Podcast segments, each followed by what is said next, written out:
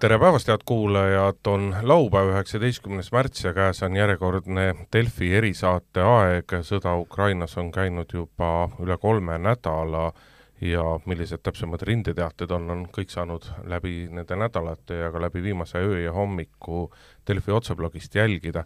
meie räägime tänases erisaates rohkem sellest, mis toimub Ukraina nendes kohtades, kus pommid igapäevaselt veel ei lange, kuidas seal sõjaks ette valmistatakse, millised seal meeleolud on ja stuudios on meil Maalehe ajakirjanik Bianca Mikovitš, kes äsja on Ukrainast äh, tagasi tulnud, mina olen saatejuht, Maalehe peatoimetaja Indrek Riiko ja mis pilt, Bianca, oli siis nendes kohtades, äh, kus sina käisid ja kus sa õigupoolest käisid? jaa, tere sulle ja tere kõikidele kuulajatele, olin tõesti äh, meie Maalehe kaheliikmelise meeskonnaga nädal aega Ukrainas, me läksime üle Poola piiri ja siis Äh, sõitsime sealt Odessani välja ja tulime Rumeenia kaudu tagasi. ja ma pean ütlema, et selle nädala jooksul kogu mu pilt äh, seal maal toimuvast tegelikult muutus suuresti teistsuguseks. mis mõttes ja, ja, ja mille poolest? Äh, ütleme nii, et mul oli võib-olla jäänud selline mulje, et tõeline sõda toimubki seal, kus, mida me näeme siis, kui me avame uudistekanalid. pommid lõhkevad, noh, majad varisevad, väga hull, aga äh, sellest ei tekkinud niisugust arusaama, et kuidas elavad need inimesed, keda parasjagu ei pommitata. ja ma nägin, et ka seal nendes piirkondades tegelikult mitte keegi täna ei ole puutumata nendest mõjudest, et mitte kuskil äh, Ukrainas täna ei elata normaalset elu sellises mõttes, nagu meie seda teame. ja kui me räägime, et äh, on rahulikke piirkondi, siis tegelikult ei ole, praeguseks on kõik äh, Äh, suuremad Ukraina linnad saanud mingisuguse tulelöögi juba endale lähedusse või, või linna pihta. kuidas inimesed, äh, kuidas võõrastesse suhtutakse, sina ajakirjanikuna käisid, erinevad äh, vajalikud dokustaadid olid kaasas, kas kõike seda usutakse või on see ikkagi umbusk võõraste suhtes väga suur ja pel-, peljatakse Vene diversante, me oleme palju uudisteid saanud lu-, lugeda, küll nad maskeerivad ennast tavalisteks inimesteks, küll kasutatakse Ukraina politsei, sõjaväe, päästjate vorme, aga kogu aeg üritatakse kuskil susida, kas inimesed, kas inimesed usaldavad võõraid? mitte üks põrm ei usalda seal mitte keegi mitte kedagi. Nad ei usalda omasid ka, neil on väga palju vene rahvusest inimesi ja Vene spioonide püüdmine on suur aktsioon. ja kuna kohalikud uudistekanalid ka toovad välja alati selle, kui keegi on kätte saadud, siis äh, mul on, oli vahepeal tunne, et seal äh, tuntakse juba süüdi, et kui ma täna ei ole ise kedagi, ühtegi spiooni kätte saanud. ja see suhtumine on seetõttu väga noh, ikkagi ettevaatlik kõikides, et minult ikkagi kõik küsisid, kas sul on luba, on ju, näita oma dokumente. ma ei ole elus nii lühikese aja jooksul nii palju oma passi näidanud inimestele ja pressikaarti ja ja lisaks oli ka veel Ukraina sõjaväe akrediteering, aga ega see ei rahustanud ka veel kedagi, et ikkagi äh, mu telefoni sisu võeti pulkadeks korduvalt, ühel korral kestis see kaks tundi, ajakirjaniku telefonis on igasugu asju, mul oli ka mingisuguseid linke, mis olid sellised Putini-meelsed, et olin noh, vaadanud, et mis kuskil mujal räägitakse, noh, seda ma pidin väga pikalt seletama, et mis asi see on ja kas ma üldse aru anda, annan endale, et mida ma, mida ma loen ja levitan ja see oli väga-väga kahtlane ja see kõik on üsna kõhe, sest näiteks üks väga pikk läbiotsimine meie auto ja telefonidega kestis kaks tundi äh, Karpaadi mägedes äh,, tuiskas lund, läks kogu aeg pimedamaks, ümberringi kõndis äh, viisteist äh, täisrelvastuses meest äh,, kaitserivid olid lahti relvadel, keegi kõlistas seal käeraudu, et äh, sa kuidagi ei tunne, et sa oled nagu turvaliselt seal nende keskel, et äh, et üsna kõhe oli see pigem. aga kui sa saad ikkagi lõpuks nende inimeste sellest, sellest vaimsest müürist läbi murtud ja eks sul kindlasti mõne inimesega see ka õnnestus, kuidas siis see pilk on, kas nende jaoks on see selline, on see sõda paratamatus, mida nad võtavad nüüdseks juba loomuliku asjana, kui palju nad muretsevad iseenda pärast, oma lähedaste pärast, oma riigi pärast, ehk kui suur ikkagi on see patriotism ja kaitsetahe? väga suur, aga ka šokk on suur. seal jah, tõesti, ega need müürid langesid küll, et õnnestus inimestega väga palju rääkida ja nad tahavad rääkida, nad tahavad oma olukorrast rääkida, nad tahavad rääkida ka sellest, mida nad mõtlevad, ja on väga avatud, kui see jutt juba korra käima läheb, siis ega selle lõpuni kiirelt ei tule. aga noh, sellist olukorda, et keegi millegipärast ei muretse, nagu täna ei ole. sest need piirkonnad, kus ei ole otsest nagu tuld peal, need on äh, väga suure inimeste surve all, sest kõik sugulased igalt poolt, kõik, terve Ukraina ju ei põgene üle piiride, seal on ikkagi miljonid inimesed, kes otsivad turvalisemat paika, nemad siis äh, katsuvad vaadata, et kellel on sugulasi või sugulaste sugulasi, kelle juurde veel ennast majutada ja siis ongi niimoodi, et kõik majad on tegelikult keldrite pööninguteni juba täis pooldutavaid. ja samamoodi ju noh, kuna ikkagi paljud on põgenenud ja teised on läinud armeesse, eh, kolmandad on vabatahtlikud, siis ei jätku teenindajaid näiteks poodides. poed on avatud mõni tund ainult mõnes kohas, kõige tavalisemalt kümme kuni neli näiteks on poed lahti. saalid on eh, noh, kui on augud eh, kaubariiulites, see ei tähenda, et kaupa ei ole vaid võib olla see, et ei ole inimesi, kes sinna tassiks seda kaupa. lihtsalt reaalselt suured kaubanduskeskused näevad välja, välja täiesti kummituslikud. küte on maas, tuled on ära, midagi kuskil hingitseb, lihtsalt inimesi ei jätku ja kõigega hoitakse juba kokku täna. et midagi tavapärast selles ei ole, et loomulikult mõtle ise, kui sa niimoodi äh, elad sellises keskkonnas, ikka ju lähed ärevaks ja hakkad muretsema mida kohalikud arvavad, kui kaua see kõik kestab ja kas seda vist ei ole mõtet seal küsida, et nad on kindlad, et Ukraina võiduga see kõik lõpeb? Nad on kindlad, aga nad ootavad rohkem abi Euroopast ja nad arvavad, et nad on seda ikkagi vähe saanud. ja see võib-olla tuleb ka sellest, et et kui sul on ikkagi noh, kõikides suurtes linnades on regulaarsed häired öösiti, vahel kümme, vahel viis ja, ja kui sa elad seal keskel, siis on tunne, et see kõik ikkagi kestab ja kestab ja kestab ja ja neil on tunne, et eh, teised, et ülejäänud maailm võiks jõulisemalt eh, reageerida. seal oli üks naine, kellega ma rääkisin, tema oli pääsenud siis Harkivist ja ta ütleski, et kõikidele tundub, et seda hullu ei saa peatada, aga ta tuleb peatada. ja nende mõte on ikkagi see, et et miks te arvate, et teie sellest pääsete, et kui see kui see hullus juhtub meiega, et miks te arvate siis, et, et teie, teid see ei taba kunagi?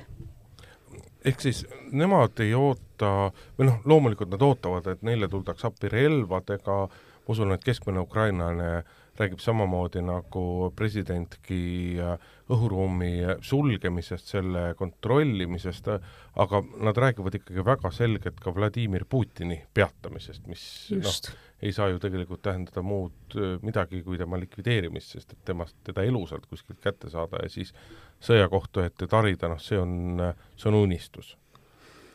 aga muidugi, kui rääkida siin, et nad, hm, et Euroopa poole vaatavad, et siis esialgu ma panin tähele seda, et kõik abikoormad, mis saadeti Euroopast, humanitaarabi, et see oli, noh, meeldis inimestele väga aga nüüd tuleb üle maailma äh, tohutu voog on tulnud sisse. just vaatasin pilti, kuidas Odessasse oli saabunud terve rekkatäis magamiskotte. no tegelikult tänasel hetkel Odessas ei ole inimestel magamiskotte tarvis. et inimesed hea meelega tassivad need küll laiali ja, ja nad noh, seisavad ka pikkades järjekordades, kui jagatakse näiteks noh, toiduabi, sest nad varuvad, nad arvestavad, et nad võivad blokaadi sattuda. et neil täna otseselt ei ole seda vaja, aga nad võtavad kõik vastu aga ütleme, needsamad magamiskotid, mis läksid Odessasse, tegelikult äh, need oleksid võinud minna hoopiski sinnasamusesse Kesk-Ukrainasse, kus peatub iga päev võib-olla viisteist tuhat inimest on möödasõidul, kes vajavad päriselt ka magamiskohti ja, ja majutamist. sa kõige viimasena olidki just Odessas, mille ründamist Musta mere poolt on läbi kogu selle sõja äh, kardetud, milliseid ettevalmistusi seal tehakse, see üks, üks väga kõnekas video, mille sa postitasid Maalehe Facebooki seinale, oli sellest, kuidas rannas täideti liivakotte ja, ja selle kõrvale siis osad inimesed laulsid, noh, ma eeldan, et selliseid rahvalaule pigem, et kuidas see sõjaks valmistumine käib? no vot, kui ma ütlen, et tavaline elu on küllaltki peatunud, siis kõik inimesed ju ei taha äh, noh, sa ei saa, jaksa päevad läbi istuda kodus käed süles, et nad otsivadki tegevust ja üks vabatahtliku tegevuse vorm on aidata, kes seal siis oma töökojas abilistega keevitab neid tankiriste ja väikseimaid siile soomukite peatamiseks, et seda tehakse väga laialdaselt, selle üle muide peat-, peetakse nagu väga hoolsalt arvet, et mitu tankiristi on valminud ja mitu sellist väiksemat siili on tehtud. ja siis need, kes ei oska keevitada või ei jaksa neid suuri raskeid äh, raudteerööpaid tassida ja lõigata, et nemad siis äh, kraabivadki liiva kottidesse. ja see kõik on ka väga organiseeritud. Äh, kui me üldse räägime sellisest vabatahtlikust tööst Ukrainas, mida mina nägin, seal ei ole niisugust asja, et tuleme kokku ja teeme midagi. see on väga noh, konkreetselt juhendatud töö. seal on ikkagi üks punt, kes paneb liiva kotti, teine punt, kes seob kotid kinni, siis keegi annab edasi ühte kohta, siis pannakse auto peale, siis viiakse autoga ära, seal on hästi selge struktuur eh, kõikides niisugustes asjades, et nad ei rabele nagu tühjalt. ja tegelikult see iseloomustab tervet seda ka olukorda mingis mõttes Ukrainas, et on näha eh, seal olles, et see maa on valmistunud sõjaks ja pikalt valmistunud. Eh, suurtes linnades on toiduvarud ja on veevarud nad on valmistunud äh, kommunikatsiooniks ja ma isegi lugesin seal olles ühte uudist, kus äh, keegi äh, ütles siis valitsuse liikmetest, et jah, et Ukraina riik on pikalt valmistunud, aga me ei saanud seda sellisel moel oma elanikele öelda, et meil käib täie rauaga siin sõjaks valmistumine, samas see on näha taristu pealt, kui ringi sõita, et umbes aasta tagasi on lõppenud kõik teetööd. lihtsalt on, kuskilt on asfalt üles võetud, siis äkki masinad on ära viidud, sillaehitused, kõik on peatatud. et on näha, et on olnud mingisugune otsus raha suunata kuhugi mujale, äh, teise kohta. et see riik kindlasti on valmistunud selleks olukorraks ja selle, selles mõttes võib-olla neil on natukene ka kergem praegu seal sees olla. millistes linnades peale Odessa te veel käisite ja, ja kuidas olid seal, kuidas seal olud olid? üks suurem linn on Slovakkia piiri ääres olev Uškorod ja seal me ka ööbisime, seal näiteks oli juba nii palju põgenikke, et seal ei olnud enam ühtegi, see on vist sajatuhandene linn äkki elanike poolest, ja seal oli üks hosteli koht oli vaba sellel õhtul. Äh, aga meil õnnestus leida ühtede tuttavate ukrainlaste kaudu seal majutus kohalike juures, kuhu juba oli ka majutatud juba teisi inimesi, kes olid saabunud Kiievist sest äh, nende majad olid puruks.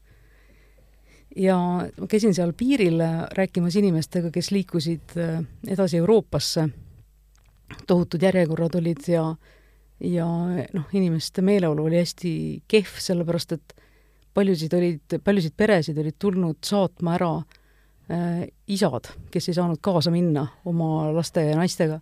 Nad, Ukraina riik ei lase välja neid ja nad peavad jääma siis maale et mitte kõik ei äh, oma väljaõpet, kõik ei ole käinud armees, et nemad suuresti on jäetud praegu ootama, et neile leitaks mingi koht, aga välja nad riigist ei saa.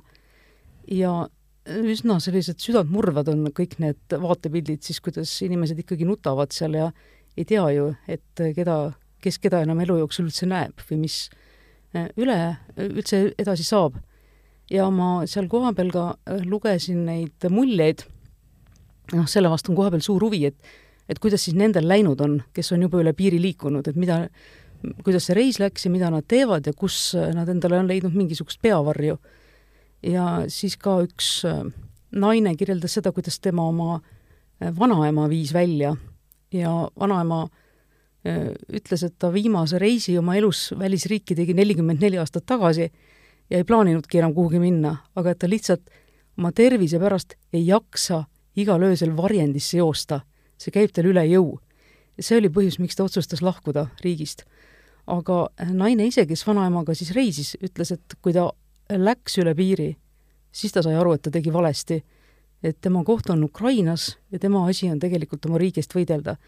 ja seda, noh, ikkagi ma kogesin seal ka, et need inimesed, noh, väga palju inimesi on otsustanud, meie jääme, meie võitleme, meie ei lahku, tulgu mis tuleb, siin me oleme, et siin on meie kodu ja see oli noh, ka selline noh, huvitav emotsioon seal siis nende inimeste kõrval seista, kes teadsid, et võib-olla nad seisavadki surmaga silmitsi, aga see on nende valik.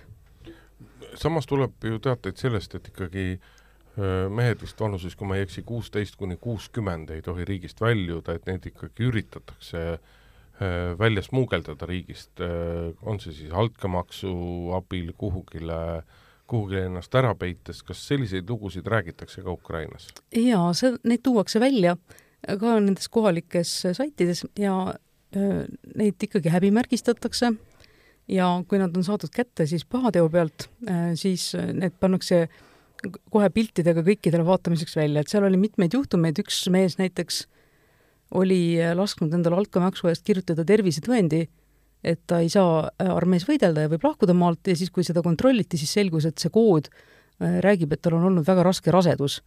Ja seetõttu äh, on ta vabastatud sõjaväeteenistusest, et seda, selle üle väga-väga naerdi. Ja siis oli üks mees, kes saadi kätte, kes oli oma lapsega üle piiri teel, ta oli pannud oma naise riided selga ja ütles, et tema on ema lapsega, aga kuidagi nad said aru, et see tegelikult on hoopis mees.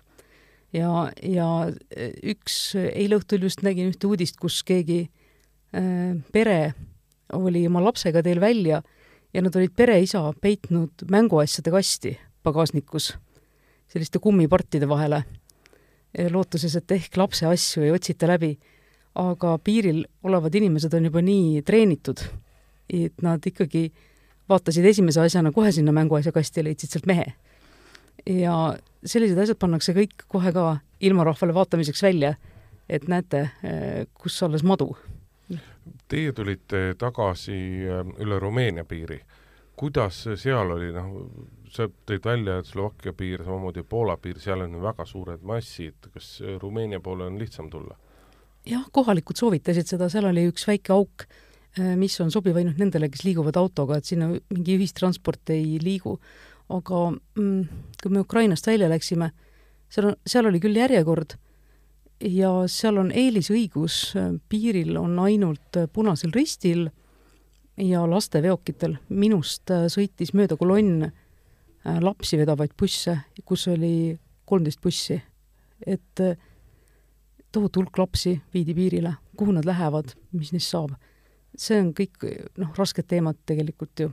et, et aga me tulime jah läbi Rumeenia, et seal ei olnud, äh, seal ei olnud palju probleeme meie kõrvale on väga harjumatu kuulda neid, kuulda neid lugusid, kuidas isa töötab politseis või, või on sõjas, siis toob ema oma lapse või lapsed piiri äärde ja saadab need koos paremal juhul tuttavatega, halvemal juhul koos päris võõraste inimestega saadab üle piirist, et ta ütleb, et ta, et ta on küll ema, aga ta peab ikkagi ise ka minema Ukrainat kaitsma kui tavaline see on või need on ikkagi üksiknäited? pigem see... on need üksiknäited, üldiselt ikkagi ma seal päris paljude meestega rääkisin, kes ütlesid jah, naine läks ära, et mina jäin, noh, naine läks lapse või lastega ära, näidati pilte, kus nad kuskil siis ööbivad, kellegi juures juba toanurgas või kuskil keskuses ja siis, et noh, ma siin kassiga nüüd jäin kodu siis hoidma, et eks siis näeb, mis saab. et üldiselt, aga noh, näiteks kui me võtame Odessas arvestuslikult on üks koma üks miljonit inimest elab Äh, arvestuslikult on lahkunud sada tuhat. et kui mõelda, kui palju on ju jäänud, siis kaheksasada tuhat, üheksasada tuhat on ikkagi ju paigal, kes ei lase ennast sellest segada, et see annab ka aimu sellest, et neil on ikkagi kindlus, et nende linna ei võeta niisama lihtsalt, väga palju eakaid on jäänud, väga palju lapsi on jäänud, Odessas on suur sünnitusmaja, nägin seal ka videot, kuidas sünnitusmaja all varjendis äh, naised hoiavad imikuid äh, siis süles ja elavad seal ööd üle. Ähm, et nad ikkagi üritavad oma eluga jätkata, kõik ei, kõik ei äh, põgene, jah. Tavapärase eluga jätkamiseks on hädavajalik, et sul oleks äh, mingisugune teenistus, et sul oleks töö, et sul oleks palk, et sul oleks raha, mille eest äh, osta.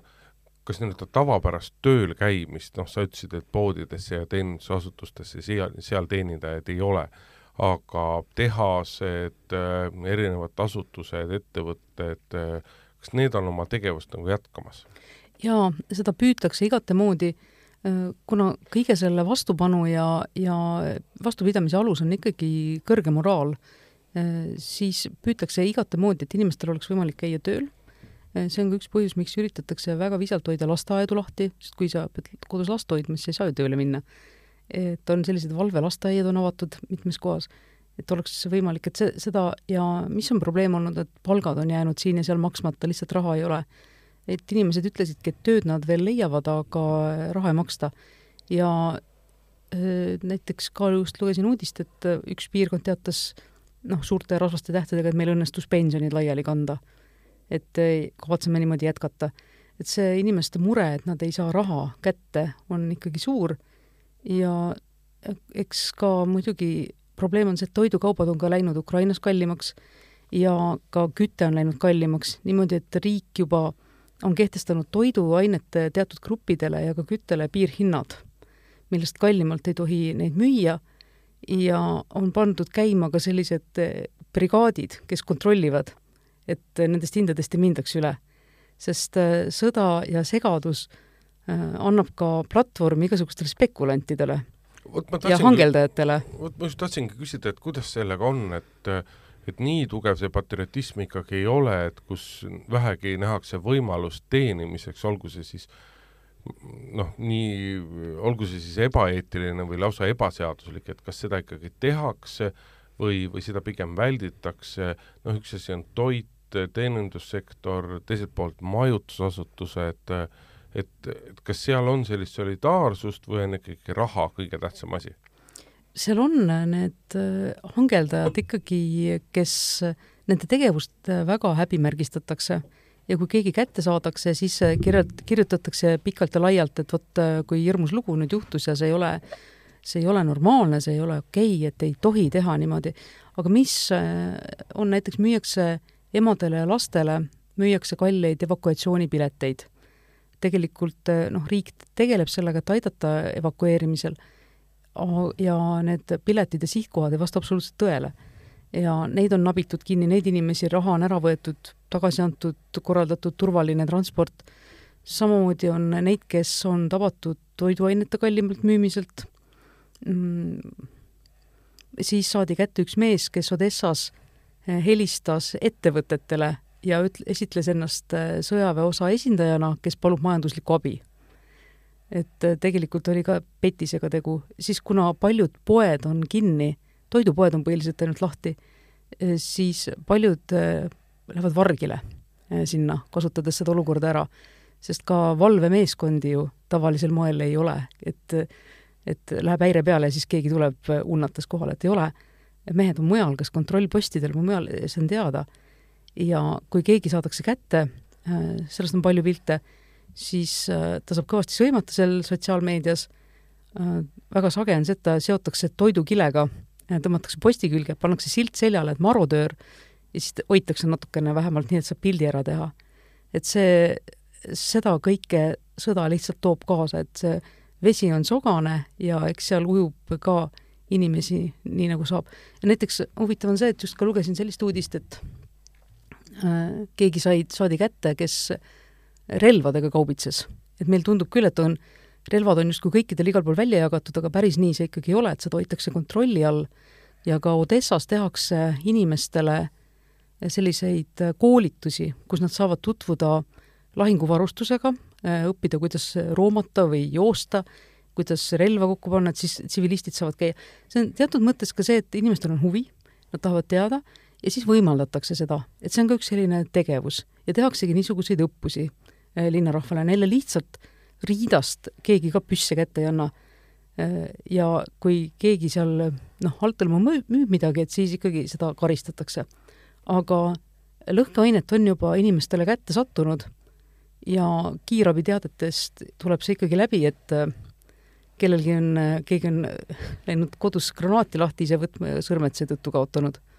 aga üks asi on veel, kui me räägime sellisest tavalisest elust, siis Ukrainas on siiamaani, nad ei ole saanud piiri peale inimeste kombele kevadel kulu põletada.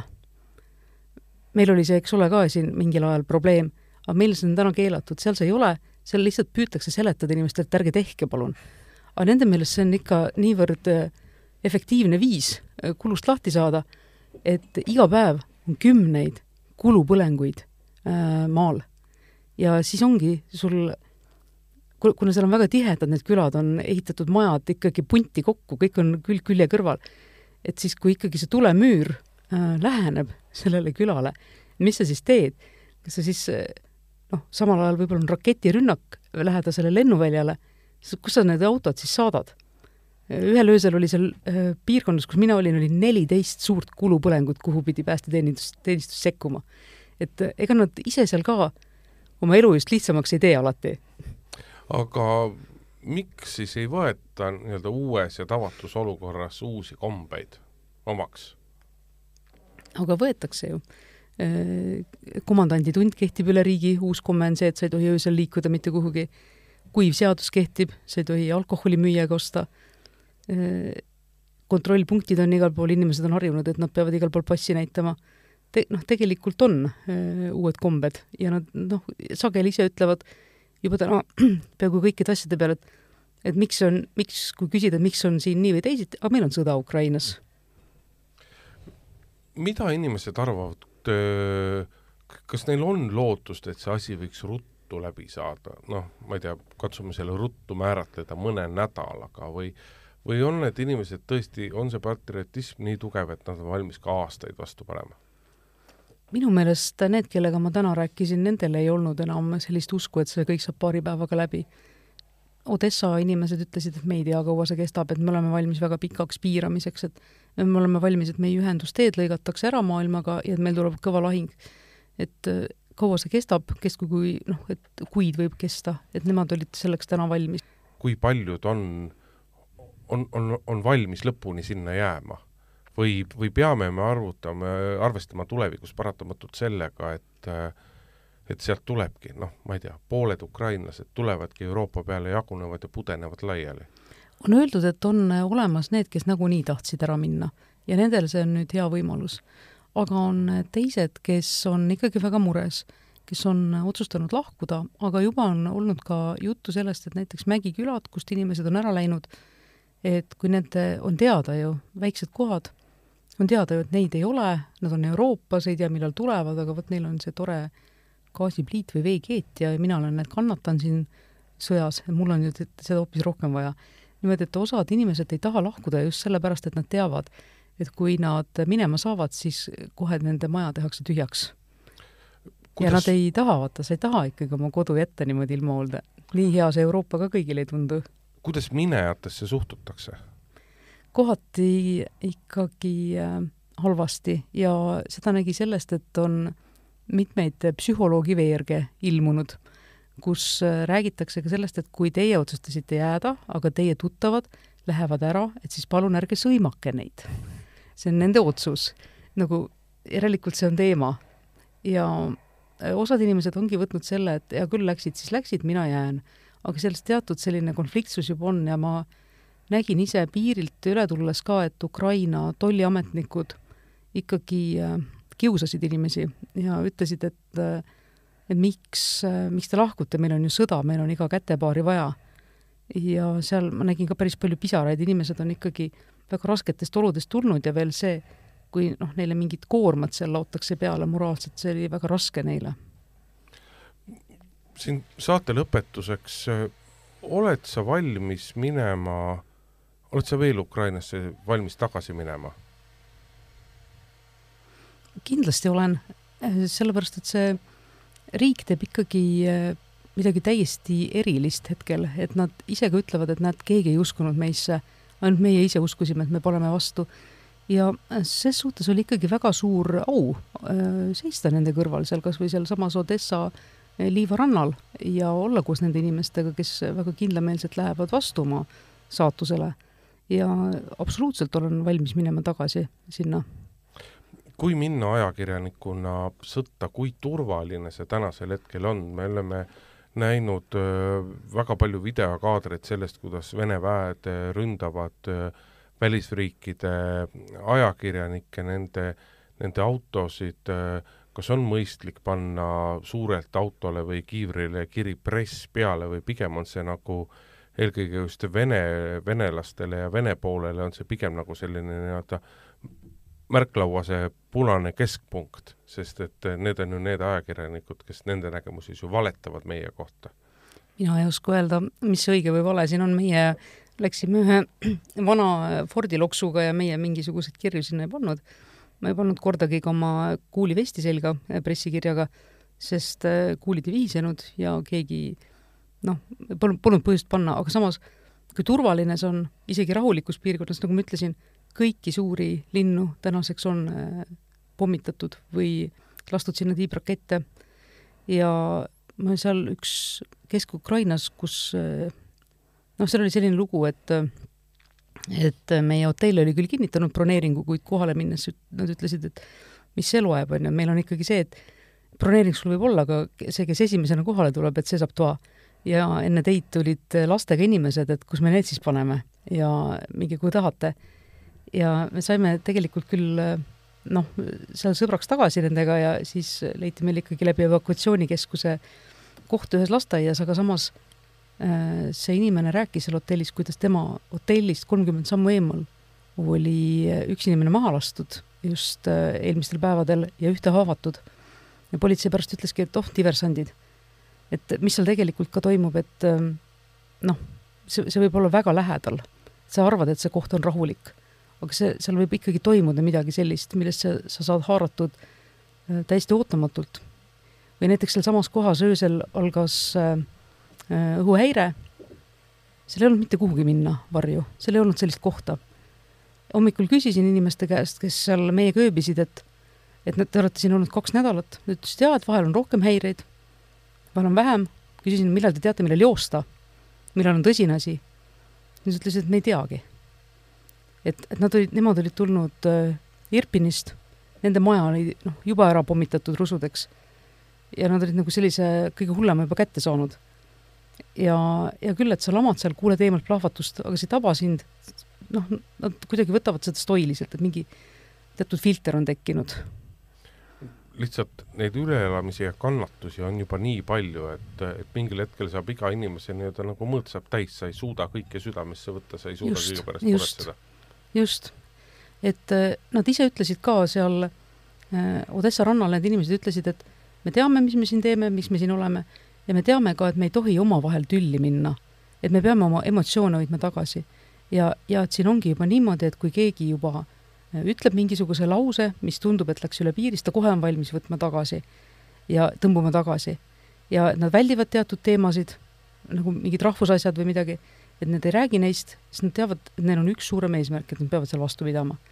ja et nad püüavad hoida oma emotsioone küllaltki vaos seetõttu, aga äh, iga kord see ei õnnestu niimoodi, et oli päris mitmeid selliseid äh, olukordi, kus ma hakkasin inimestega rääkima, kes olid algul täiesti rahulikud, aga kui nad hakkasid kirjeldama, kuidas kas nende lähedased on tule alt pääsenud või või, või keegi on pidanud põgenema kuskil, siis nad juba hetke pärast olid pisarates üleni ja, ja nutsid.